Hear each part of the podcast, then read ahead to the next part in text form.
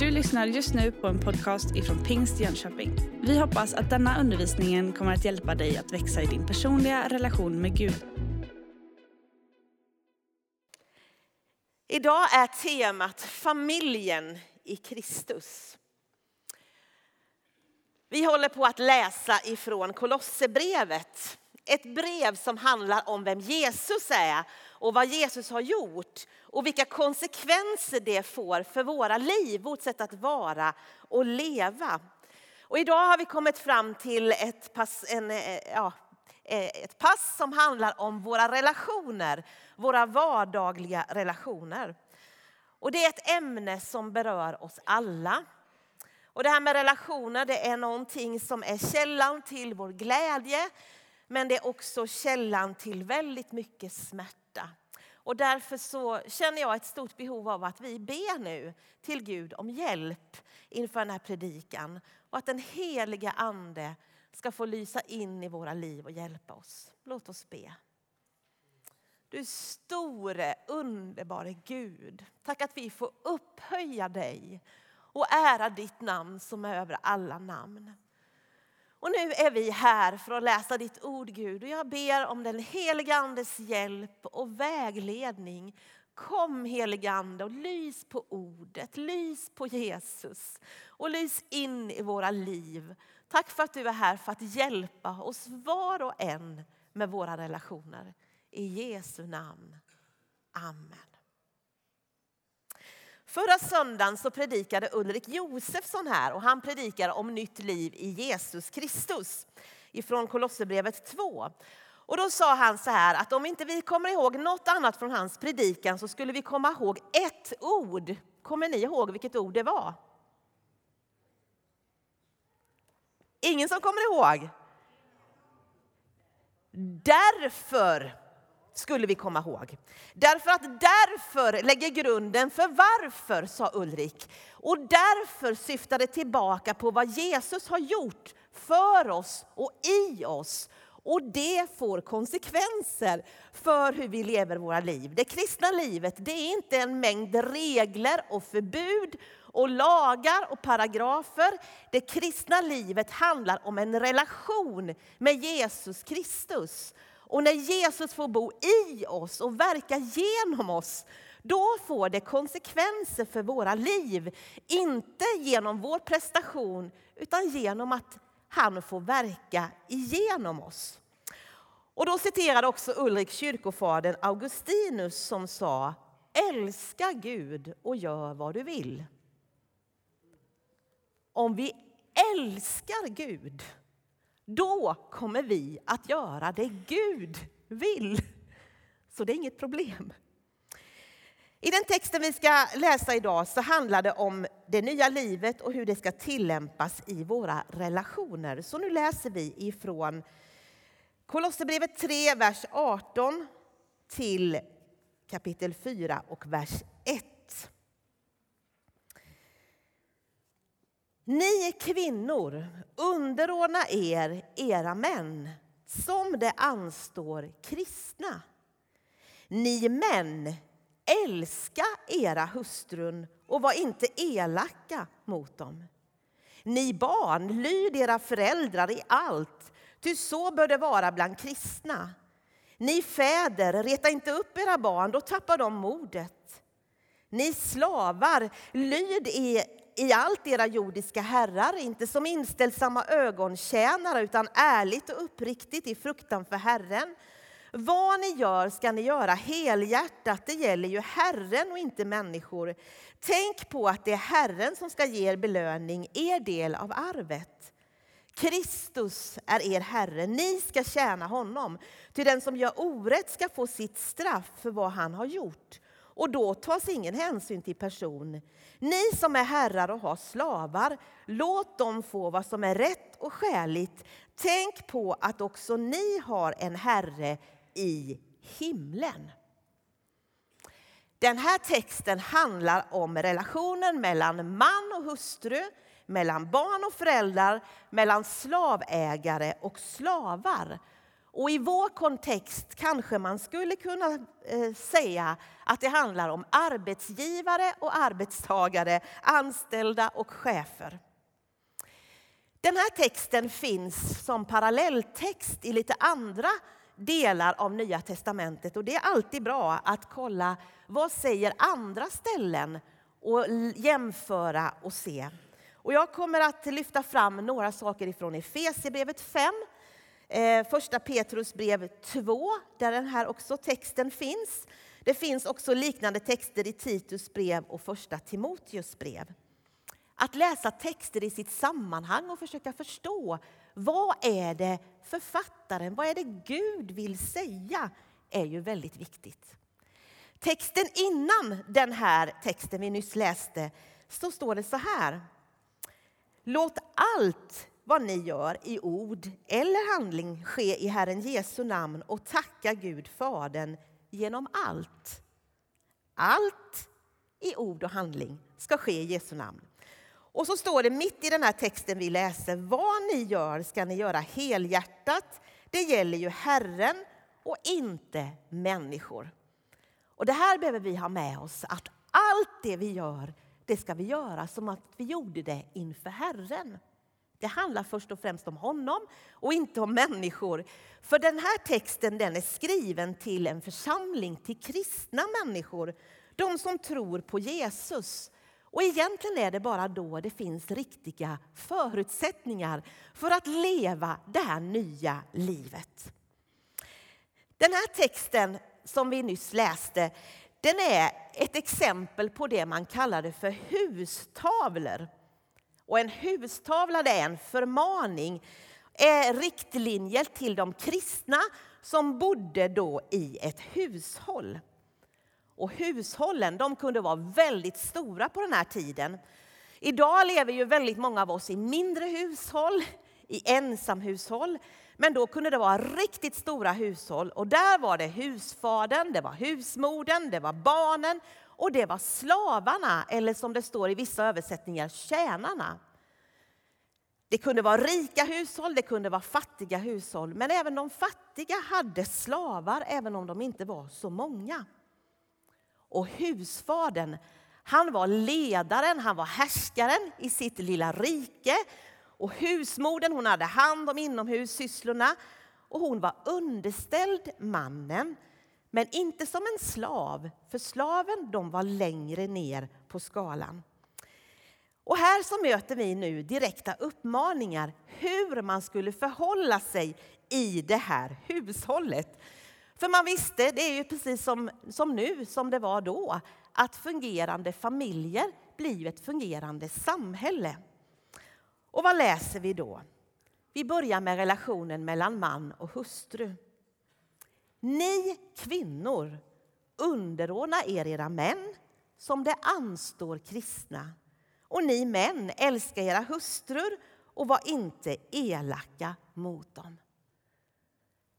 Varför skulle kvinnorna underordna sig männen? Och varför står det att männen skulle älska sina hustrur?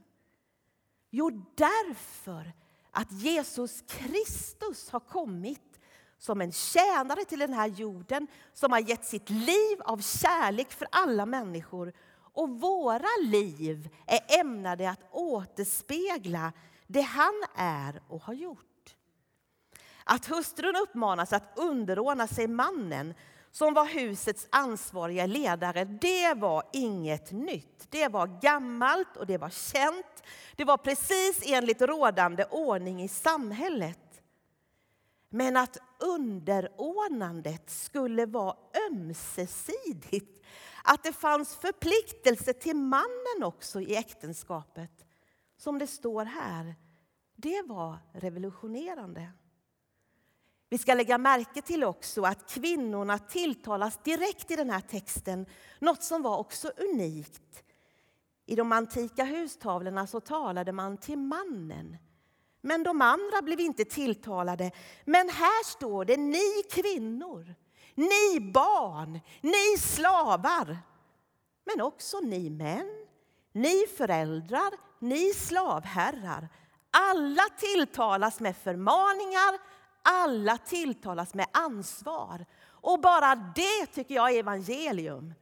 Gud gör inte skillnad på människor. Vi står alla med utmaningar, med ansvar inför honom. När vi läser parallelltexten i Efesierbrevet så möter vi en ännu mer utförlig sån här hustavla. Och där står det, där börjar hela undervisningen med orden underordna er varandra i vördnad för Kristus. Kan det bli tydligare vad det handlar om? Någon slags ömsesidighet Kvinnor, foga er efter era män som efter Herren. Älska era hustrur som Kristus har älskat församlingen och utlämnat sig själv för den. Kärleken kräver inte. Kärleken ger av fri vilja.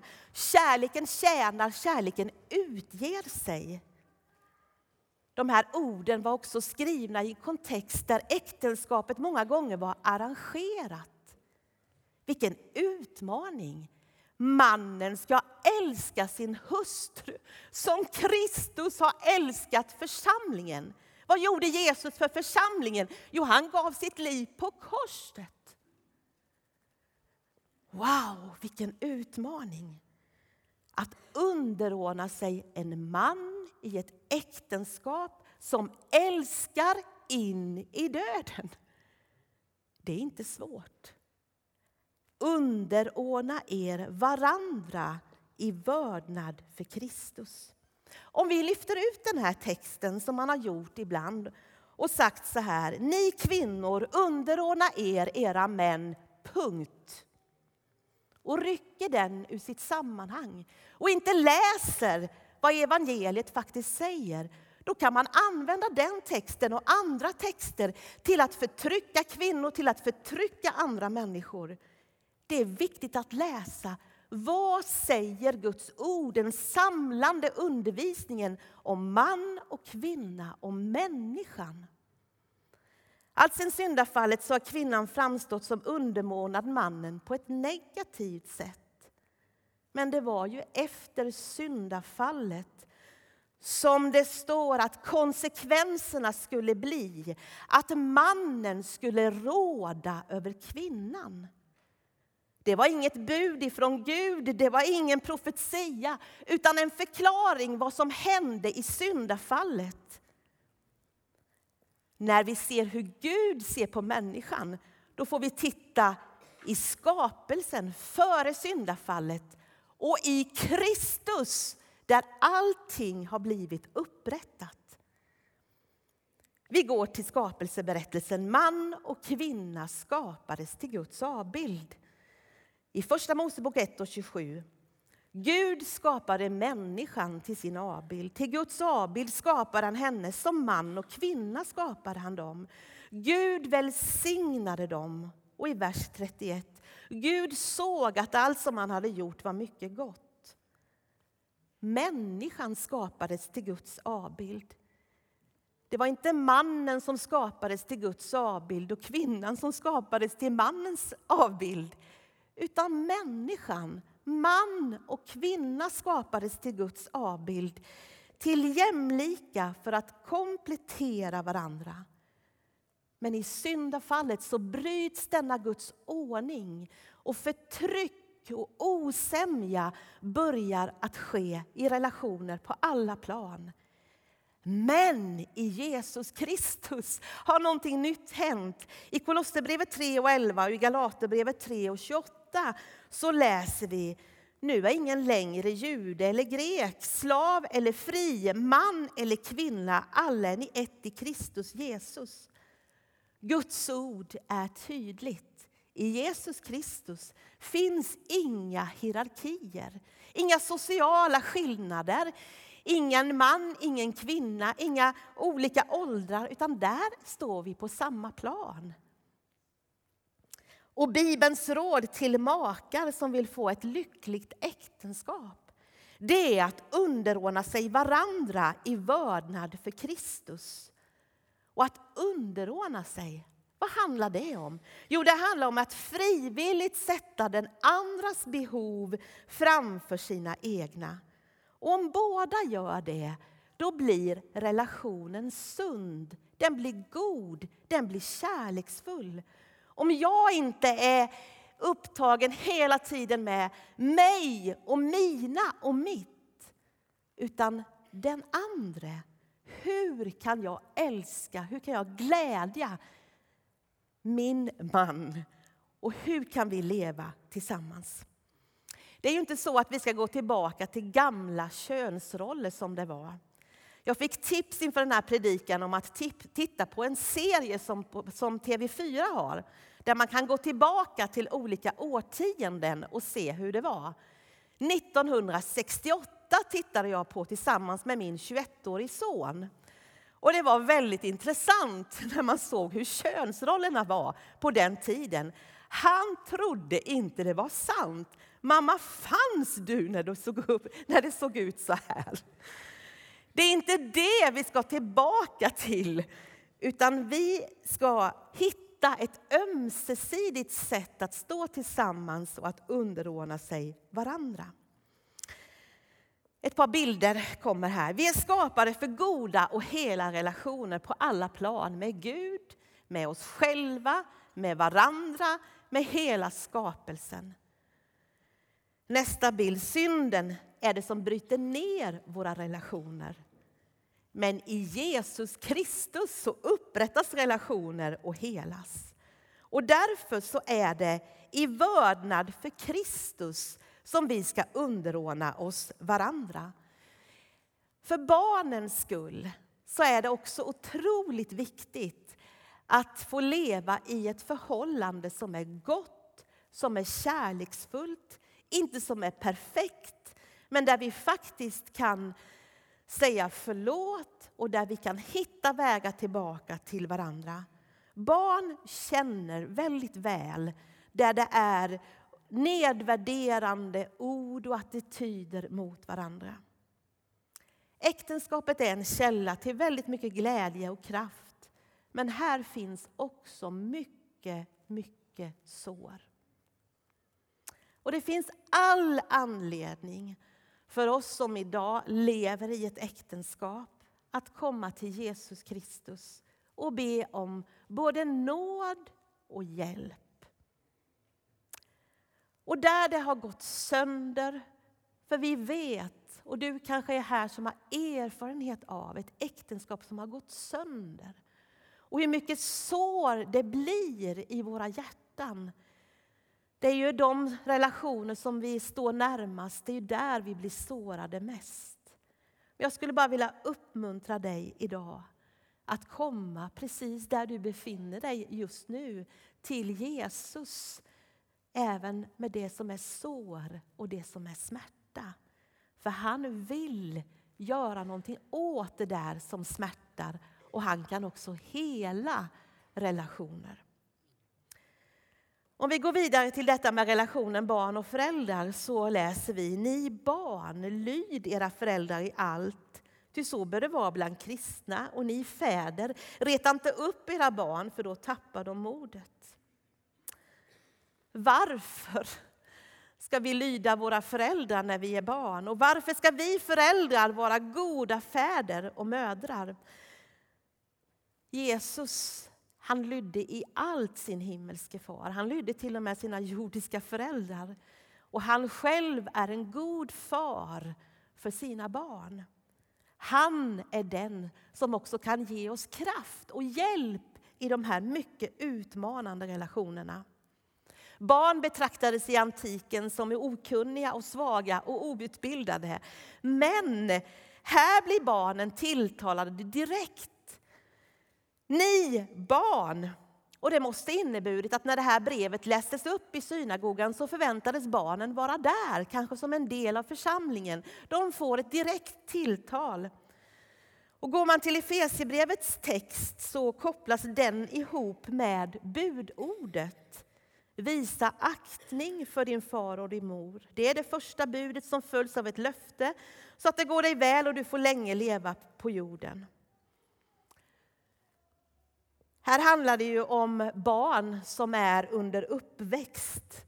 Det är ju så att vi alla har ju relationer på olika sätt till våra föräldrar. Oavsett om vi har levt, vuxit upp med våra föräldrar eller inte. Oavsett om relationen är nära eller långt borta så finns det någon slags relation till våra föräldrar. Här handlar det om barn som fortfarande står under uppväxt. Lydnadsplikten gäller ju inte hela livet. Jag är över 50 år, jag kan ju inte lyda mina föräldrar. De har släppt taget för länge sedan. Men fortfarande så är relationen viktig och jag har ett ansvar att visa vördnad och respekt för mina föräldrar. Och relationen påverkar mig. Jag minns under min egen uppväxt, när jag själv nu har fått tonåringar och har vuxna barn, så inser jag hur olydig jag var många gånger mot mina föräldrar. Och hur sårad min mamma måste ha varit över mitt beteende. Och jag kan idag också förstå lite grann av det jag inte förstod då, av hennes handlande. Därför att jag själv är förälder och kämpar med min egen otillräcklighet som förälder. Barnen är ju vår källa till stor glädje, men också till stor oro. Och de här relationerna föräldrar-barn, de påverkar oss väldigt starkt. I gudstjänsten i torsdags på Kristi himmelsfärdsdag ni som var här ni såg ett drama. Där satt två asylsökande bröder. Mamma och morbror. Pappa hade dött i kriget med talibanerna. Talibanerna hade dödat pappa. Där satt mamma som hade ansvar för barnen tillsammans med morbror och säger nu måste ni fly till Europa. Annars kommer era liv att bli förstörda. Ni kommer att komma in i krig, ni kommer att bli soldater. Här är väskorna, ni måste fly. Bröderna förtvivlade vill inte lämna men lyder och lämnar och flyr till Europa. Och i vittnesbörd som vi hör efteråt så berättar en av killarna jag var tvungen att lyda min mamma. Hon hade burit mig i nio månader i sin kropp. Hon hade vakat dag och natt över mitt liv. Hon ville mitt bästa. Det är klart att jag skulle lyda mamma. Vi fick sen höra ett fantastiskt vittnesbörd om Jesus och allt vad det här har fått betyda. Men jag tänkte på det när jag hörde om hans sätt att prata om lydnad till sina föräldrar, om respekt till sina föräldrar. Det var så vackert, det var så fint. Så också mina egna barn reagerade att det här var någonting vackert. Kanske någonting vi också behöver återerövra. På något sätt lydnad, respekt, ödmjukhet inför våra föräldrar.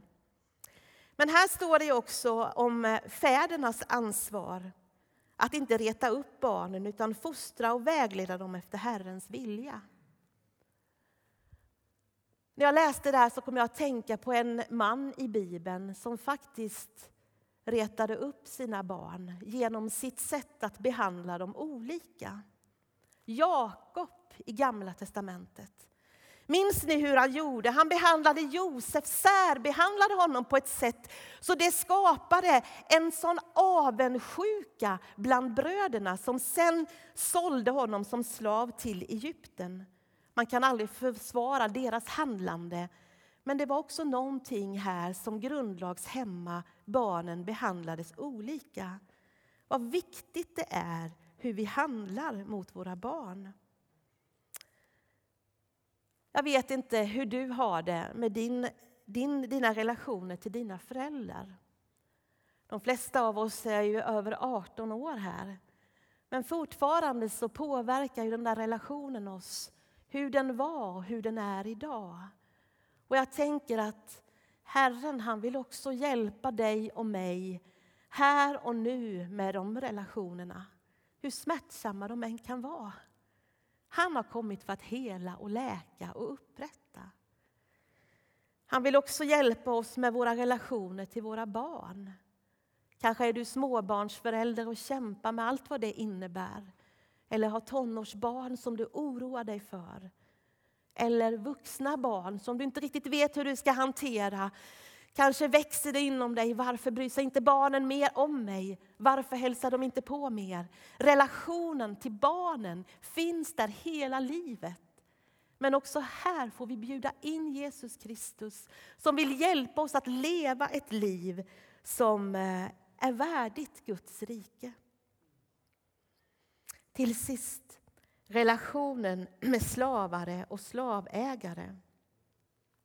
Paulus varken försvarar eller fördömer slaveriet men han förklarar att i Kristus så överbryggas alla klyftor människor emellan.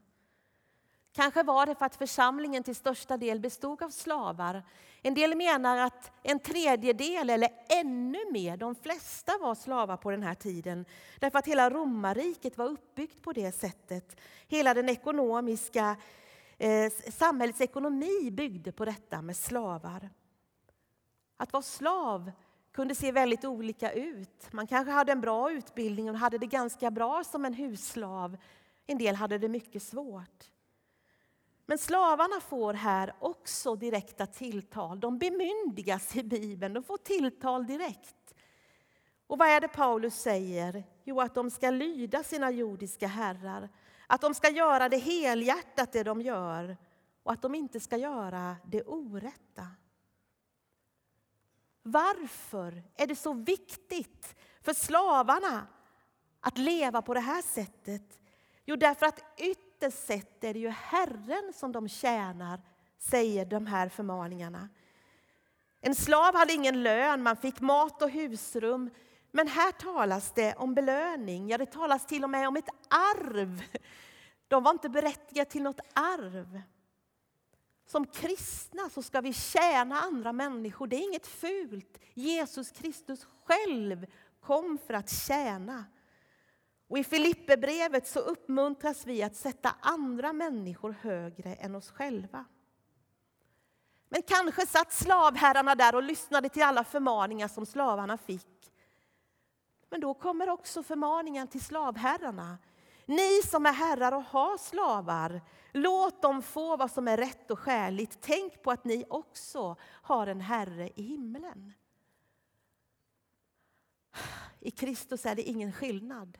Det vi gör, det gör vi inför Herren. Om det så handlar om äktenskapet, relationen till barn och familjer eller här som det handlar om slavar och slavherrar.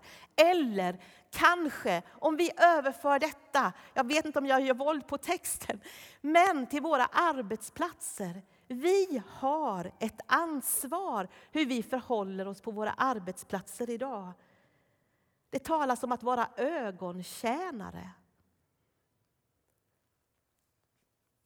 Hur har du det på din arbetsplats?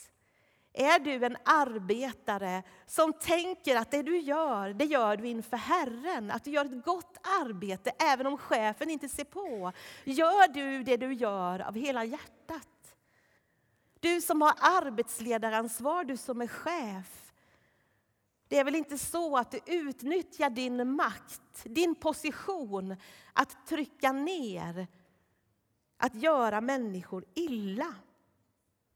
Jag tror att det kan finnas mycket i det här som vi kan ta till oss av, upp, eh, av de här uppmaningarna att göra det vi gör inför Herren. Oavsett om någon annan ser på eller inte så finns det en som ser. När du gnetar på, när du sliter och arbetar kanske inte får den uppmärksamhet som du skulle behöva. Du som chef som kämpar hårt och gör ditt yttersta men som får så lite tillbaka. Det du gör, det gör du inför Herren. En liten sammanfattning. Hur skulle det vara om vi följde de här utmaningarna som vi får i de här bibelorden? Relationen mellan man och hustru. Ja, vad läste vi? En hustru ska sätta sin man före sig själv och en man ska älska sin hustru. Om vi gör tvärtom, om en hustru sätter sig själv före sin man och förtrycker honom, vad blir det då för äktenskap? Om en man hatar sin hustru och förtrycker henne. vi gör väl i att underordna oss varandra. Eller relationen föräldrar och barn. Barn ska lyda sina föräldrar. Föräldrar ska inte kritisera sina barn som de blir arga och ledsna och ger upp. Men tänk om barnen istället väljer att vara olydiga och respektlösa mot sina föräldrar. Och att föräldrarna retar och kritiserar och slår ner modet på sina barn eller inte bryr sig. Vad blir det för relation? Eller på arbetsplatsen, om en anställd arbetar flitigt, överlåtet och en arbetsgivare är mån om sina anställda. Det blir skillnad att vara lat och en ögontjänare eller att ha en hård och orättvis arbetsgivare. Hörrni, det här med relationer det berör oss alla. Det är en stor källa till glädje, men också till mycket smärta. Och jag tänker så här, nästa helg firar vi pingst. Vi behöver, jag behöver hjälparen den helige Ande för att kunna leva i relationer på ett sätt som Gud har tänkt. I Kolosserbrevet 4 och 2 så står det var uthålliga i bönen och vaka och be under tacksägelse. Och I Efesierbrevet, just efter alla de här uppmaningarna, så står det hämta styrka hos Herren och ta på er Guds rustning. Hörrni, vi är skapade för hela relationer. Gud vill hela relationer.